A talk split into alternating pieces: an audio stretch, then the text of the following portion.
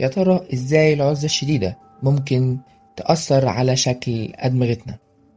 معاكم عماد عاطف ودي النشرة العلمية لإذاعة أفق.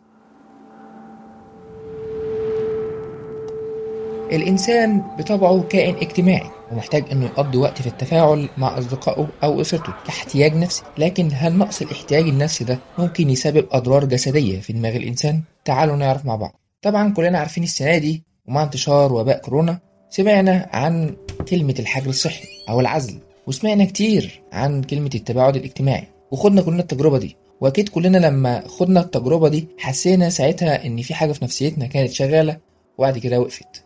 طب إيه اللي حصل؟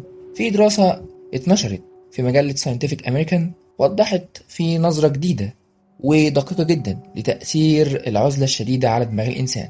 الدراسة دي الباحثين فيها عشان يفهموا الكلام ده راحوا درسوا طاقم من الباحثين التانيين اللي كانوا قاعدين في قارة مهجورة اللي هي قارة أنتاركتيكا اللي كانوا قاعدين فيها لمدة 14 شهر. النتائج كانت صادمة جدا بالنسبة لهم لأنهم لقوا إن في منطقة في المخ اسمها الهايبوكامبس أو بالعربية قرن آمون أو الحصين عندهم حجمها قل عن المعدل الطبيعي والباحثين فيها أشاروا إن دي نفس الحالة. اللي تبقى موجودة في أدمغة الناس المصابة بالاكتئاب أو مرض الألزهايمر. وبرضو الحالة دي بتتشابه مع حال أدمغة السجناء اللي بيكونوا موجودين في حالة السجن الإنفرادي. وبيعانوا من حالة سيكولوجية أو نفسية بتسمى اضطراب ما بعد الصدمة ده غير إن قبل كده خلال السنة دي في بحث أشار إن في حوالي 3000 حالة بتعاني من اضطراب ما بعد الصدمة من الأشخاص اللي خضعوا للحجر الصحي وقت انتشار وباء كورونا.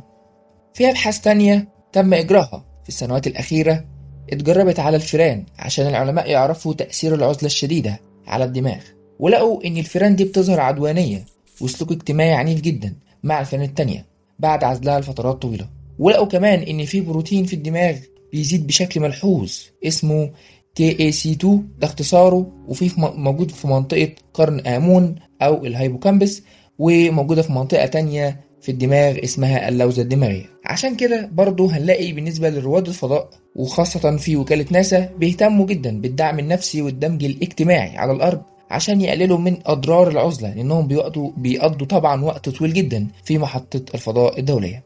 في النهاية الدراسة دي بتكشف حاجة مهمة جدا. وهي إن أدمغة البشر ليها قدرة عالية على التكيف بسرعة مع البيئات أو المواقف الصعبة أو القاسية. وعشان نحمي نفسنا من المضاعفات دي اللي ممكن تحصل في المستقبل أو حاليا نتيجة العزلة بسبب أوبئة أو ظروف تانية.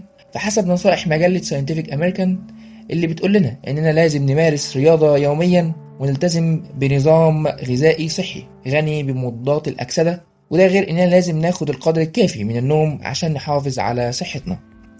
وكمان النهارده في مسابقة خاصة ببرنامج النشرة العلمية لإذاعة أفق هو عبارة عن سؤال خاص بحالة اليوم.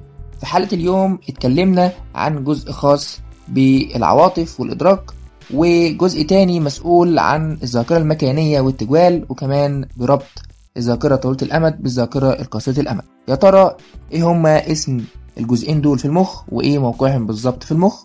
ممكن دلوقتي تروحوا تجاوبوا على السؤال ده على صفحتنا على الفيسبوك أو على موقعنا الرسمي وطبعا هيكون في جايزة بسيطة لأول اتنين هيجاوبوا صح. يلا مستني اجاباتكم ده كان موضوعنا النهارده. يا رب يكون عجبكم ونتقابل المرة الجاية إن شاء الله في حلقة جديدة وموضوع جديد. ومستني مقترحاتكم وتعليقاتكم. ولو عايزين تعرفوا أكتر عن الموضوع ما تنسوش تشوفوا المصادر في الوصف. ولو أنت على ابل بودكاست ما تنساش تعملوا تقييم. وأشوفكم على خير الأسبوع الجاي إن شاء الله. والسلام عليكم.